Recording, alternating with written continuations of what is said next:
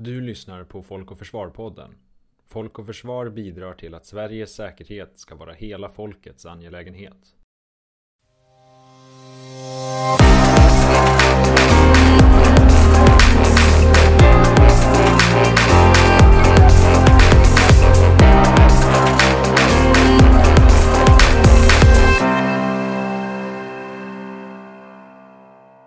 Varmt välkommen till Folk och Försvar-podden. Mitt namn är Sevlon Kalander. Jag är säkerhetspolitisk programansvarig hos Folk och Försvar och jag kommer att leda det här samtalet.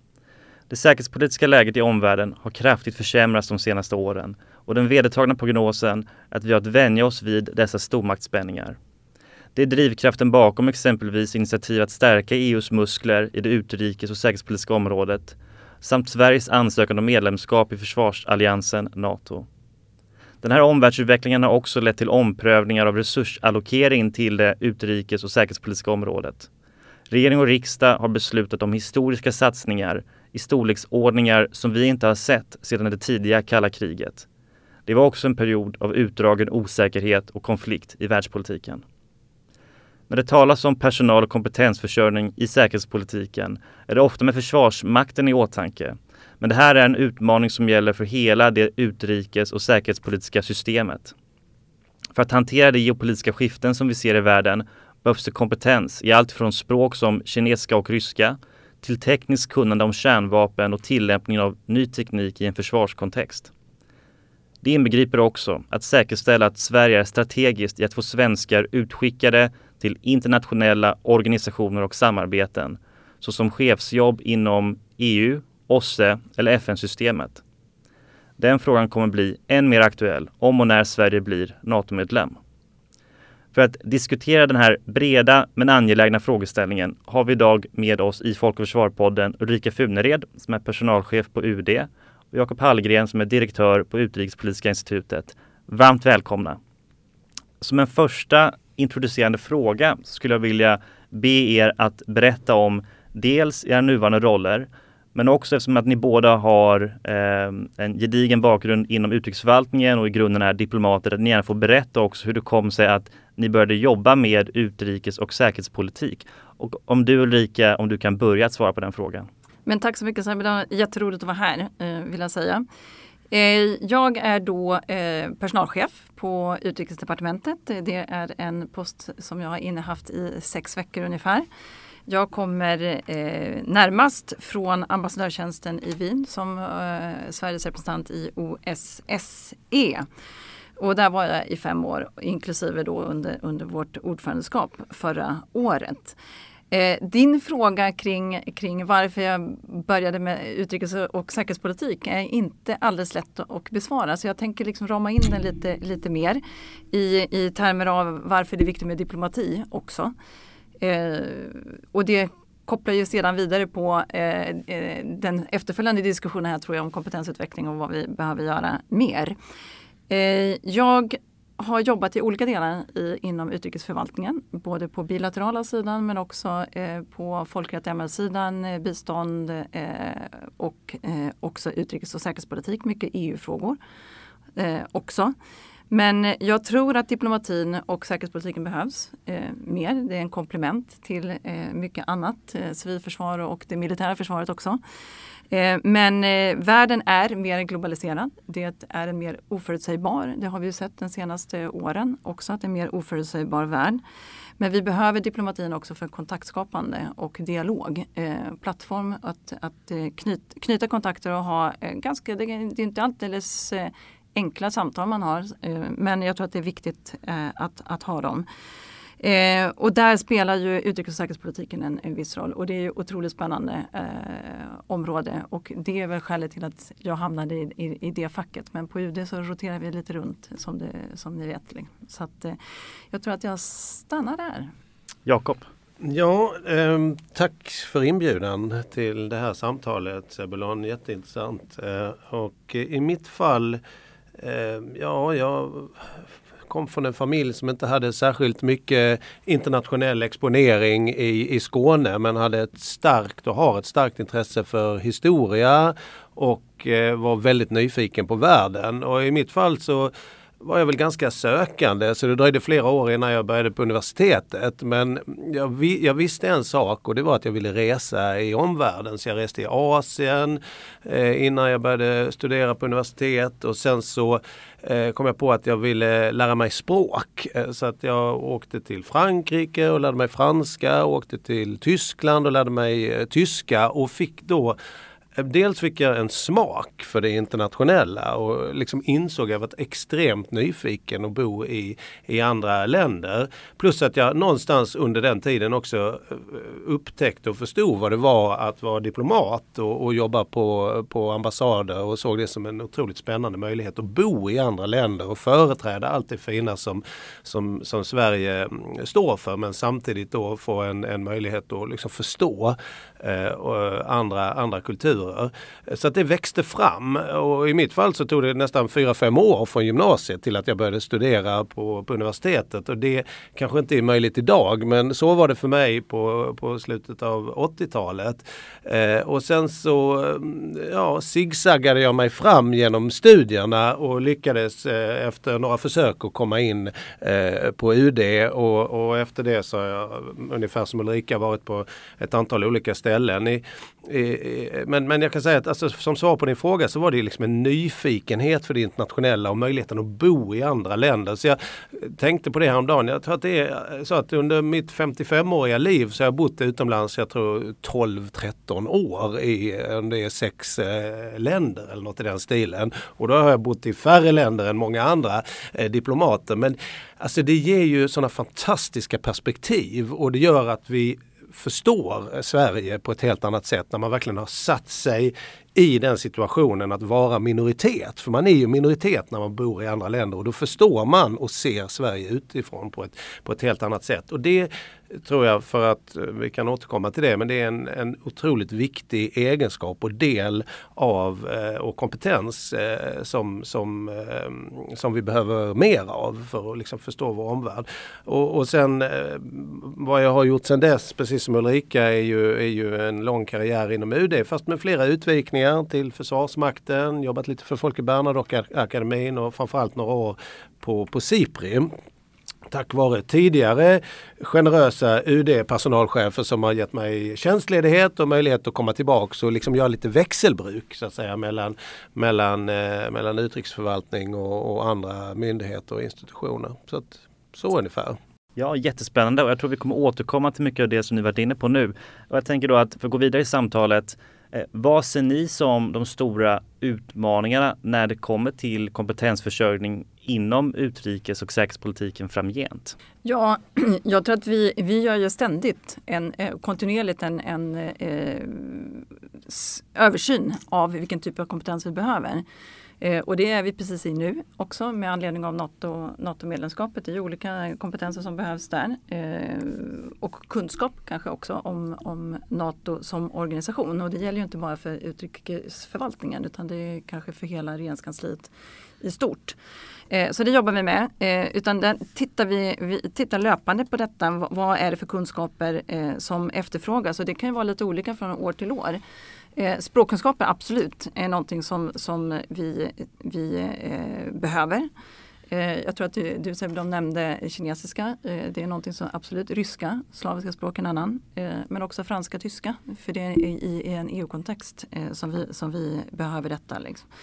Eh, så att, eh, och det är ett kontinuerligt lärande hela tiden eh, som vi också måste, så även om du har kommit in på UD så ska du inte stanna där med den kompetens du har. Utan du kan utveckla dig och utbilda dig eh, eh, ytterligare. Så att där tittar vi också på vad, vad är det ytterligare som, som behöver till. Så att det här är ju, och då har vi olika eh, rekryteringsbas. Eh, diplomatprogrammet är ett, men vi rekryterar också specialister. Eh, och det är kanske en liten undervärderad grupp. Eh, för specialister behövs i särskilda frågor. Eh, vi har ju eh, nu på min, min enhet till exempel har vi ju eh, specialister vad gäller arbetsrättskompetens.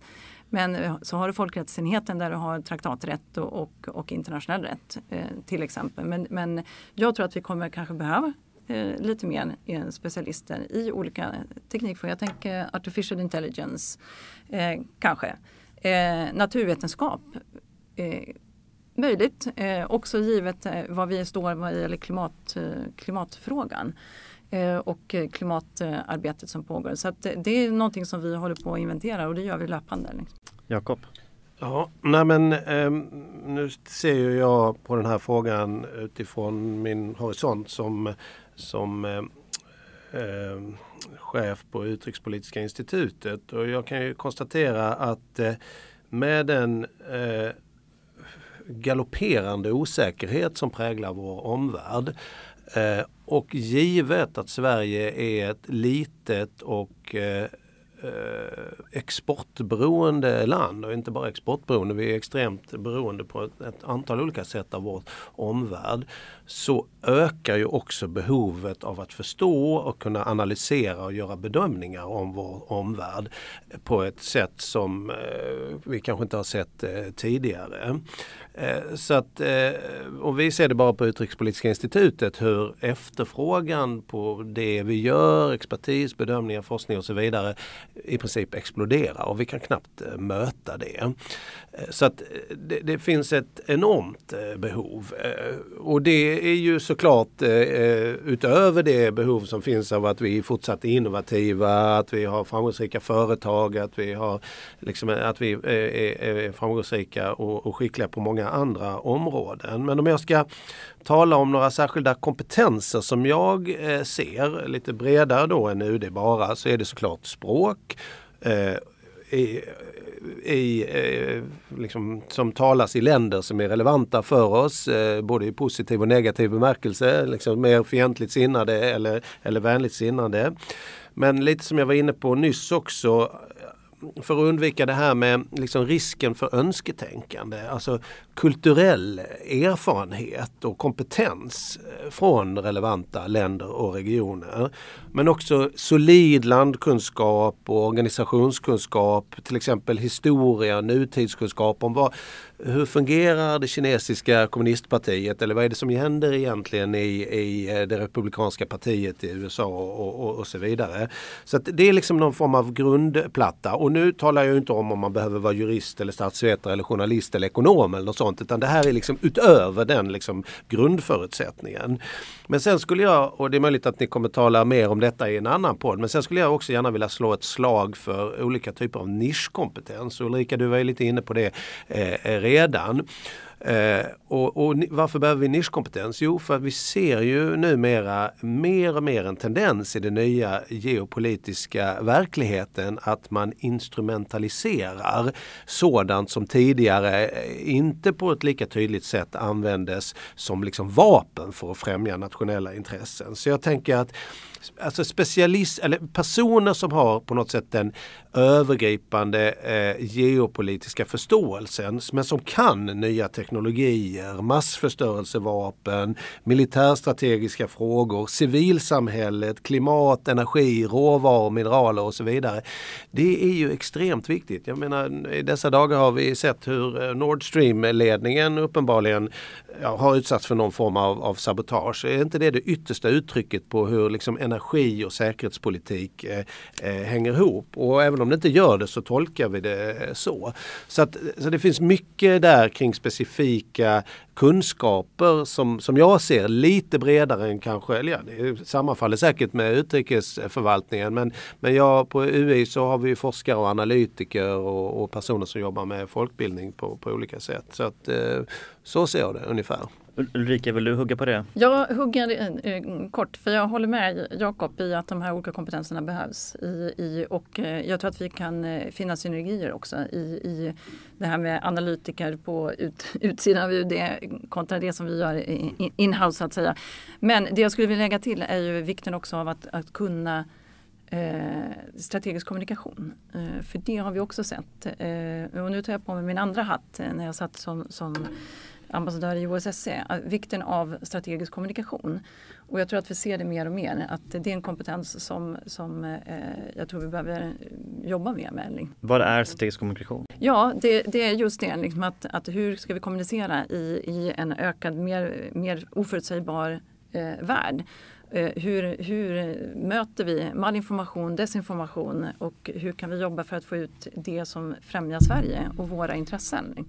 Det tror jag är viktigt. Om jag får lägga till lite, för nu börjar du komma in på egenskaper eller, eh, eller ja, mm, det är kompetenser men det handlar också kanske lite grann om, om egenskaper om man skiljer på kvalifikationer och liksom förvärvade förvärvade kunskaper och liksom förhållningssätt. För att det är ju också viktigt för att man ska fungera eh, och göra ett bra jobb utifrån sina respektive expertisområden så krävs det ju också integritet eh, och nyfikenhet och, och, och, och, kreativitet och en förmåga att kunna vara lagspelare.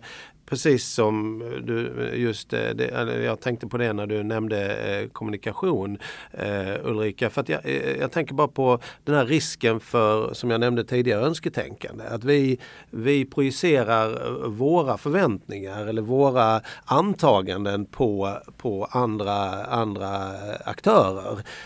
och där kan man ibland gå fel. Så att man behöver liksom en, en, en mix av de här liksom hårda förvärvade kunskaperna frågorna men också främja liksom en kultur där integritet och kreativitet också, också får en given eh, plats. Jätteintressant och har många följdfrågor. Eh, min första till någonting som du var inne på väldigt tidigt eh, Ulrika och, det är det här med en, en allt mer komplex värld, en globaliserad värld.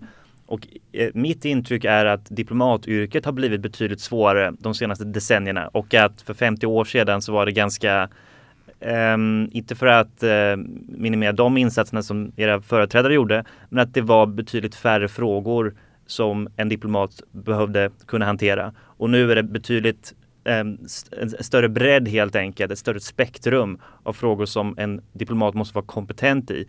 Och såklart att, att det behövs specialister och nischkompetenser, men samtidigt behövs det också generalister. Och hur, hur utformar man de hur uppdaterar man de kompetensprofilerna för att fånga in alla de olika egenskaper som en individ kan behöva i den här slags nya miljön? Eh, du är ju helt rätt. Alltså som diplomat idag, jag brukar säga att man har tre, tre eh, i grova drag arbetsområden. Liksom, du ska bistå svenskar i utlandet, eh, tappade pass eller man har ut, blivit utsatt för, för, för brott eller något annat. Det andra är att man ska främja Sverige och svenska intressen. Liksom. Eh, och det är en ganska bred, bred palett eh, av, av sakfrågor. Sen ska du också, precis som Jakob var inne på, du ska analysera Eh, det landet du är i, eh, den politiska kontexten, vad betyder det för Sverige och våra intressen. Så det, det, är de tre breda mm, sjoken så att säga som diplomat idag. Eh, men, men för att säkerställa det här, vi har ju diplomatprogrammet eh, som jag nämnde tidigare. Eh, och där tar vi in en gång om året och det är ju våra generalister, basen, traineeprogrammet som vi får in. Och det, det, många av de som söker är ju jurister, ekonomer, lite statsvetenskap men egentligen finns det ju liksom inga begränsningar i vilken typ av examina du, du har. Eh, språk är ju alltid, har vi nämnt tidigare. Men, och det är precis det som Jakob är inne på, att eh, den här andra kompetenser och förmågor snarare kanske är ju just flexibiliteten. Att eh, man får göra massa olika saker. Du ska vara nyfiken. En nyfikenhet på, på eh, din omvärld men också gott omdöme du ska kunna en hel del om Sverige liksom också. För när du sitter där ute så ställ, får du frågor kring svenska statsskicket eller valet nu. Hur, hur funkar det? Liksom? Eh, eller, eller främjande specifika frågor. Liksom. Så att det är en bred palett.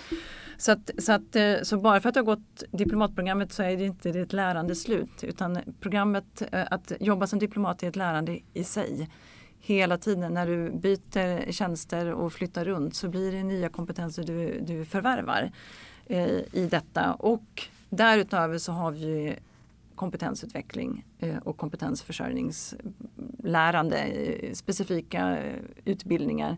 Till exempel nu när det gäller NATO-medlemskapet. Att eh, få lite mer information om vad är det för organisation vi ska bli medlemmar i. Till exempel.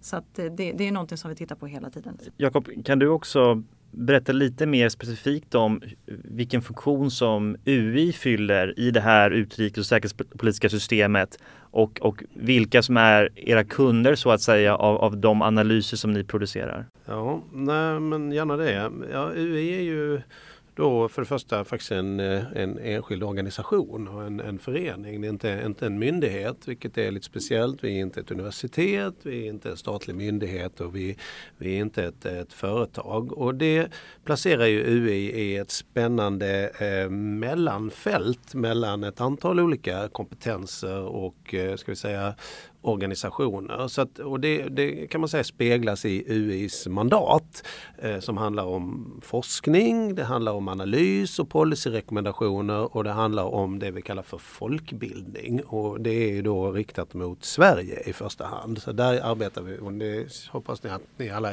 känner till och följer både våra seminarier och publikationer. Och vår, en väldigt bra podcast, podd utblick. Ja precis.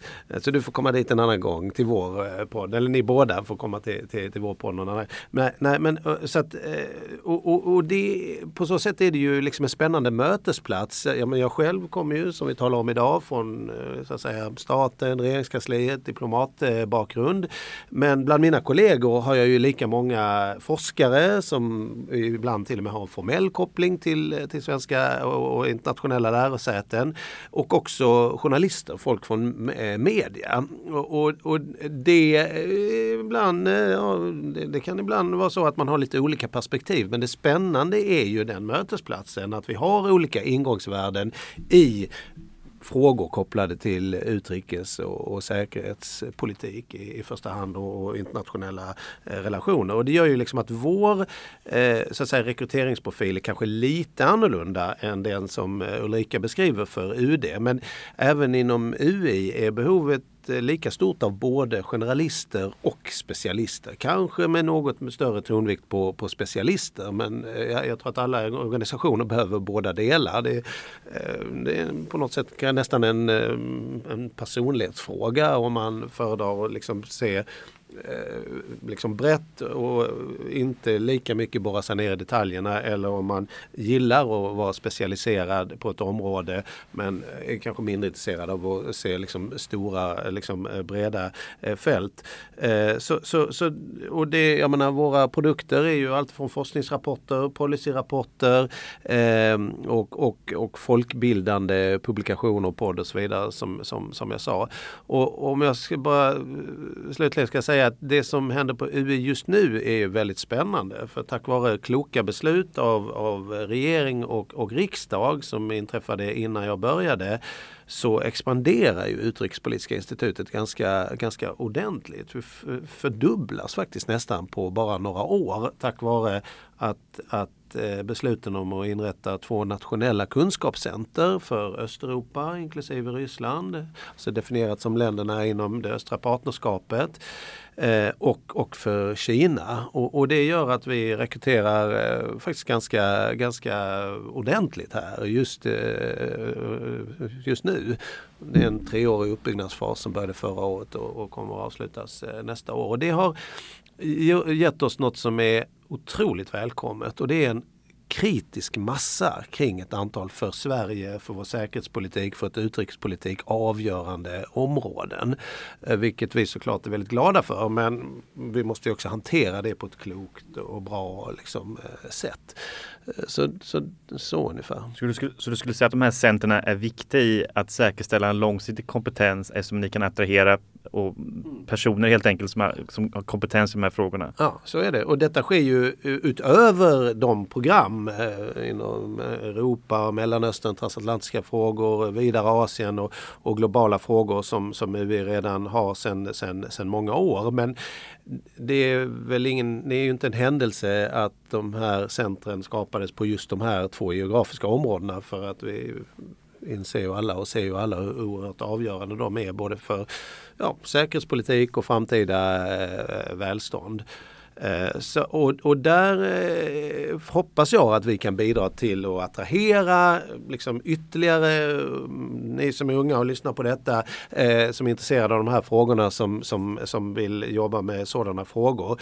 Men just nu, om jag ska vara helt ärlig, så, så har vi också en liten utmaning med att det är för få på det här området. Så, och vi vill ju, det sista vi vill veta av är någon form av kannibalism om ni förstår vad jag menar. Det vill säga att vi tar av varandra Eh, eh, snarare än att vi attraherar fler in till de här spännande frågeställningarna. Så, så därför behöver vi fler som jobbar med de här frågorna av de skäl som vi har talat om tidigare. Och det leder mig precis till min nästa fråga och det är ju det att vi är ett litet land förhållandevis och att eh, mitt antagande är att vi har inte råd att, eh, att arbeta i silos så att säga och att varje organisation ska upprätta en hel bredd med kompetens för att kunna lösa sina uppgifter.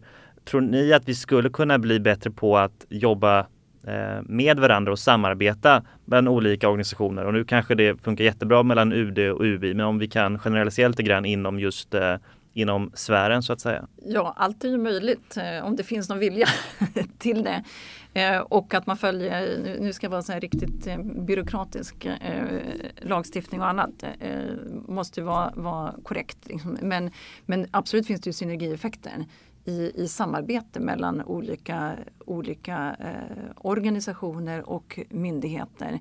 Och mycket görs ju redan idag och jag tänker om man går utanför Sverige också så har vi ju eh, samarbetar vi också med andra länder. Jag menar, vi, vi sitter ju inte i EU i ett vakuum utan EU är ju en, en plattform för oss att, att arbeta. Eh, så där jobbar vi också nära i, i, i den kontexten eh, att dra på varann. Det nordiska samarbetet har vi också eh, och just på utrikes och säkerhetspolitiska området är det ganska starkt. Så, att, så att där finns det också synergieffekter att hjälpa och, och, och dra på varandra. Och så. Men, men den här eh, att mer unga in i utrikes och säkerhetspolitiken, det kan jag absolut skriva under på till, till eh, som Jakob säger. Och jag tänker också att eh, det finns ju redan eh, det här med rotation mellan olika typer av tjänster genom en, en karriär. Vi har, förutom jag själv då som har en bakgrund i utrikesförvaltningen så har vi för tillfället eh, andra medarbetare som har den bakgrunden. Men vi har också väldigt goda samarbeten med andra myndigheter eh, som, är, som är aktiva på, på det här området. Och man kan främja liksom en, sund, en sund eh, rotation där man på något sätt beaktar den enskilda personens intresse av att och nyfikenhet att prova olika saker under en karriär. Det, jag menar, ska man titta på ett jätteland som USA så är det kanske ännu mer vanligt och naturligt där att man någon gång är man på ett universitet och sen jobbar man för, för liksom regeringen och så är man på en tankesmedja och så vidare. Så, eh, och, och, och, och, att göra det på ett sätt som inte på något sätt eh, eh skapar problem för liksom utrikesförvaltningens eh, kompetensförsörjning till exempel tror jag är bra på lång sikt för att det ger utöver det som Ulrika sa tidigare som jag håller med om väldigt mycket, det vill säga att, man, att, att arbeta i olika funktioner utomlands och hemma är en väldigt viktig kompetensförsörjning i sig. Så kan liksom en någon form av rotation och utbyte och nära samarbete mellan i det här fallet UD och UI men det finns ju många andra eh, liknande liksom myndigheter och organisationer både i Sverige, inom Europa och internationellt. Det, det tror jag är bra. Något som vi har märkt av eh, inom eh, vissa andra myndigheter är och även företag är ju en slags kollision mellan olika generationer och förväntningar på arbetslivet och, och möjligheter och så vidare. Ulrika, hur resonerar ni på UD Eh, kring de här frågorna? För det är ju en väldigt eh, eh, det är en krävande roll att vara diplomat och som ni pratade om att det innebär att man flyttar runt rätt mycket. Och vilken slags dialog har ni internt kring de här frågorna. Är det några specifika frågor du tänker på? Eller? Men exempelvis att, att flytta runt och att uh, bryta upp kanske uh, jämna mellanrum. Det är en, nej, men det är en kontinuerlig diskussion uh, som förs och, och uh, när vi lägger personal, det är ett personalpussel som läggs. Det, vi, vi roterar ju ganska mycket folk varje år, runt 300 personer var, varje år. Och försöka hitta rätt person till rätt plats är ju också en utmaning för att det, det är ju så att man, det, det, är ju dialog också man har med, med den enskilde individen. Eh, så att där vill man ju ha en bredd i samtidigt som man vill dra på, på den personens specifika kompetens. Så att, eh, så att det där är Eh, det är ett pussel som läggs. Eh, jag tycker att det funkar för det mesta ganska bra. Men det är också viktigt att ha den här dialogen med medarbetarna kring, kring förväntningar. Vad har man för förväntan? Eh, och eh, dessutom finns det andra aspekter i, i livet som man också ska ta hänsyn eller måste titta på i, idag liksom, som kanske inte fanns tidigare. Liksom. något jag känner, eller något jag också vill att vi ska hinna med att prata om, det är ju att, att eh, få in svenskar i multilaterala organisationer och säkerställa att de också inte bara kommer dit utan även eh, har en karriär där kanske och eh, till syvende och sist får eh, chefsjobb. Ehm, om jag börjar med att fråga, är det viktigt att eh, vi har svenskar som, som eh, jobbar inom eh, e EU-systemet, FN-systemet, OSSE-systemet och, och, andra typer av multilaterala eh, organ? Ja, eh, väldigt kort svar på din fråga. Det tycker jag är viktigt för det handlar också om Sverige, eh, Sverige, eh, svenska prioriteringar.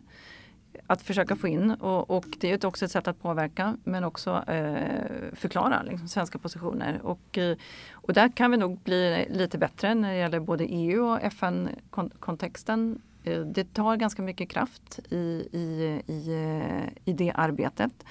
Men eh, så det är någonting som vi tittar på nu. Hur kan vi jobba med de här? Vi pratade tidigare om EU, EU-arbetet. Där har vi svenskar. Jag tror att vi kan försöka få in fler.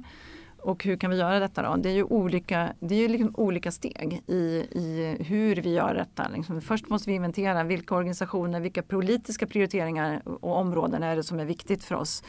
Eh, vi måste identifiera eh, var finns det lediga tjänster. Eh, och det finns ju på, i EU-kontexten finns det till exempel Bryssel.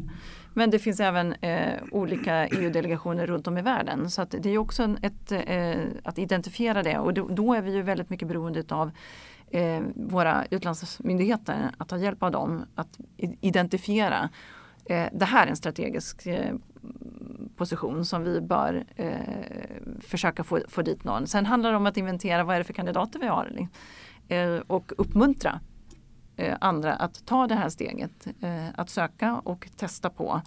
Det är, inte, det är, eh, och där har vi lite olika medel till, till vårt förfogande. En, en, en, plattform också där vi, där vi lägger ut och försöker sprida information. Så där kanske Folk och Försvar kan bistå i det arbetet också.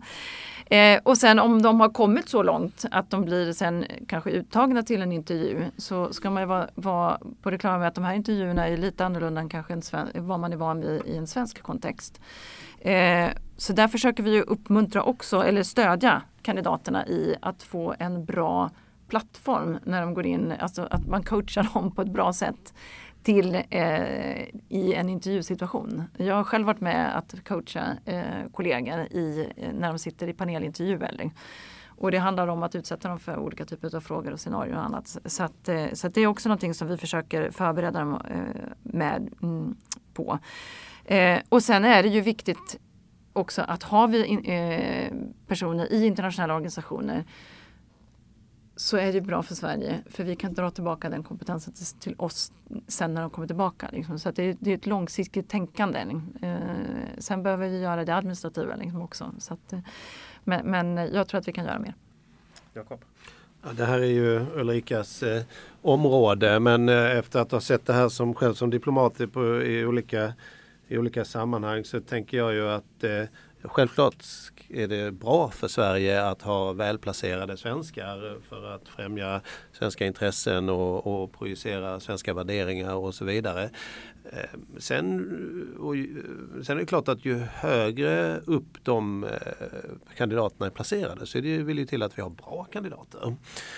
Och det är inte alltid bra kandidater växer på träd för att då talar vi om personer som förstår den specifika kontexten och har en förmåga att stå ut i en ofta väldigt stark konkurrens med andra kandidater. Så, så det är en fråga. Liksom hur, hur liksom Eh, ja, ser man till att vi har bra kandidater. Och det kan nog i vissa fall faktiskt börja tidigt med att vi måste tänka på att unga personer kommer in tidigt och får en tidig erfarenhet av olika organisationer. Sen kanske kommer tillbaka till det svenska systemet och så kan man presentera dem eh, senare. Så det, det, det är en eh, aspekt.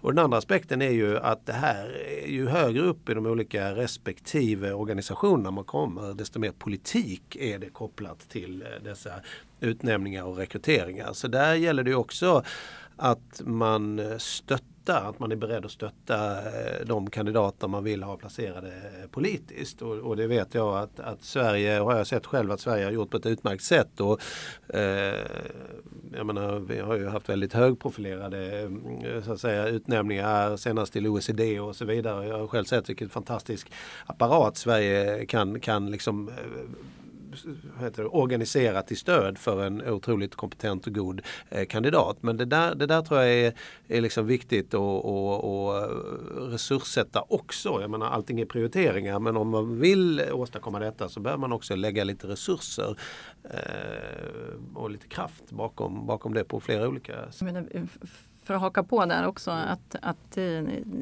det är ju precis som du säger att eh, försöka identifiera det, bra kandidater. Eh, det, det, är, det är en utmaning ibland liksom också att hitta, precis som du säger, att de växer inte på träd alla, alla gånger. Särskilt inte om de kommer upp i, på en lite högre nivå också. Så att, så att, och, och där gör vi ett arbete men, men eh, det är också att en bra kandidat ska vara ledig eh, och, och tillgänglig för att, för att ta ett internationellt uppdrag. Vad jag också skulle vilja säga som jag glömde tidigare är att vi redan idag jobbar ju med andra myndigheter också eh, och organisationer i att försöka få ut svenskar i systemet. Det är både Sida men också Folke Bernadotte-akademin Eh, som, som bistår eh, där det, där det gäller sekunderingar till multilaterala organisationer. Något som jag alltid tyckte är lite märkligt är att det, det verkar vara ett ganska litet intresse från svenska sida att söka jobb inom EU-systemet och att vi, det är rätt allmänt känt att eh, Sett till per capita så är vi ett av de EU-länder som har eh, minst antal eh, av våra Ehm, av vår nationalitet eh, inom olika institutioner. Ehm, tror ni att eh, det kommande EU-ordförandeskapet kan vara en möjlighet att generera större intresse för EU och, ett, och en karriär inom EU? Det hoppas jag att, eh, att det är. Eh, vi har sett det från tidigare ordförandeskap också att eh, nu, nu sker ju mycket, eh, jag menar vår Brysselrepresentation har ju bifats upp eh, ganska rejält inför ordförandeskapet också och det är många unga duktiga handläggare.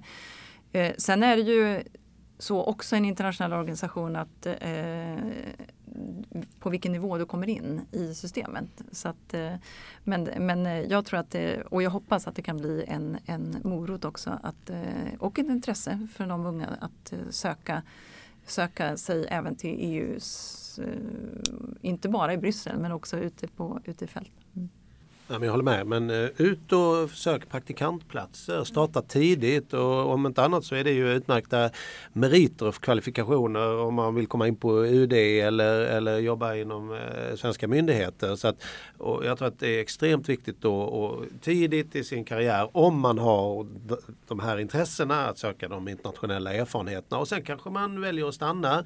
Men sen ska vi väl inte liksom ducka heller för att Eh, jag menar det svenska systemet med den svenska synen på jämställdhet och kombinera liksom, eh, familj och karriär. Eh, det är, det är en utmaning. Det är en utmaning när man jobbar på svenska utrikesdepartementet och det är en utmaning i en del av de här internationella organisationerna. Och det, det är möjligt att det ibland har varit en, en hämsko. Men där får man ju också vara med och försöka påverka de organisationerna. För att om man ser på EU-institutionerna på 90-talet idag så har det ju hänt mycket till exempel på jämställdhetsområdet. Ja, det är den svenska utrikesförvaltningen också för övrigt. Men, men, eh, men, eh, men det är ju också en del av, av det här. Det kanske inte är så mycket en fråga när man är eh, kanske under 30 år men när man, om, om många bildar ju familj vid 30-40 års ålder med småbarn och så vidare. Och det, det, är liksom också en faktor som man eh, ständigt eh, eh, får liksom arbeta med för att ja, se till att man får det där genomslaget internationellt också.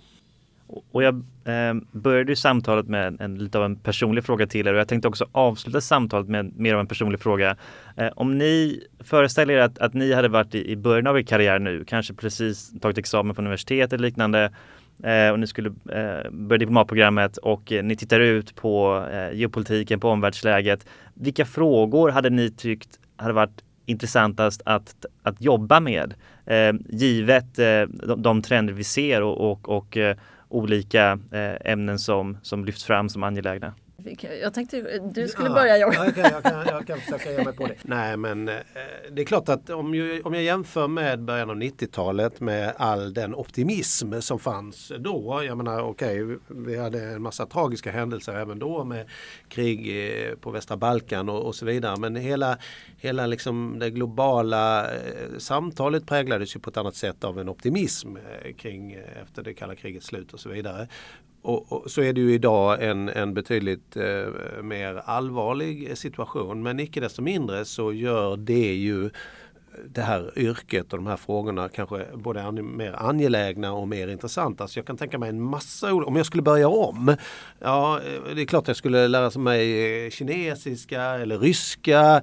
Eh, för att det är extremt viktiga länder för oss att, att förstå. Och, och, investerar man i det då har man en säker karriär. På, på vår tid så brukar man säga att ja men om du fokuserar på Mellanöstern då vet du att du alltid kommer att ha en, en karriär. Så är det fortfarande idag. Eh, och därför vill jag även lägga till till exempel arabiska som ett språk. Men sen är det ju inte bara språk. Men att ändå fokusera på vi brukar väl säga det att det är bra om man är diplomat så är det bra att ha kanske två, tre specialområden som man på något sätt eh, underhåller och kultiverar. Och det kan vara också att man engagerar sig i multilaterala institutioner, att man blir en EU-expert eller en FN-expert. Eller, eller, och så kombinerar kanske lite tematisk expertis med geografisk expertis.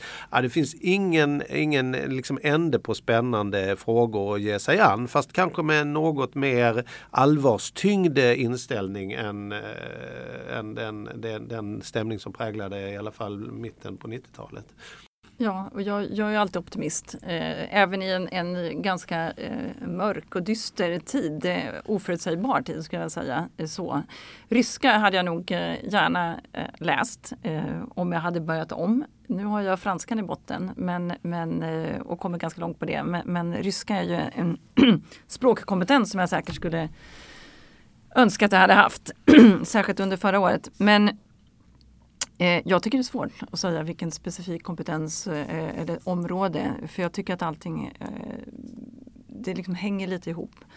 Idag är det ju viktigt med klimat eh, och, och miljöfrågan. Liksom. Och klimat är ju i, i, sig, det är ju otroligt eh, eh viktig fråga eh, som är kopplat till ekonomi, till kopplat till utveckling, till politik och, och säkerhetspolitik politiken. Liksom. Så att, möjligtvis det, men, men, men paletten är ju bred eh, och jag tror att det, det jag hade nog jag har svårt att välja.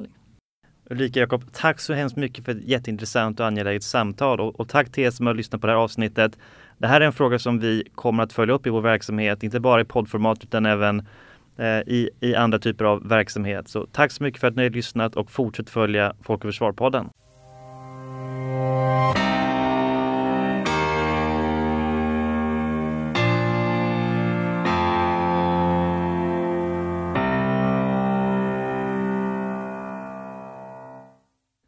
Du har lyssnat på Folk och Försvar-podden. Podden är skapad av Sebulon Karlander. För att ta del av mer av vår verksamhet, besök vår hemsida www.folkochforsvar.se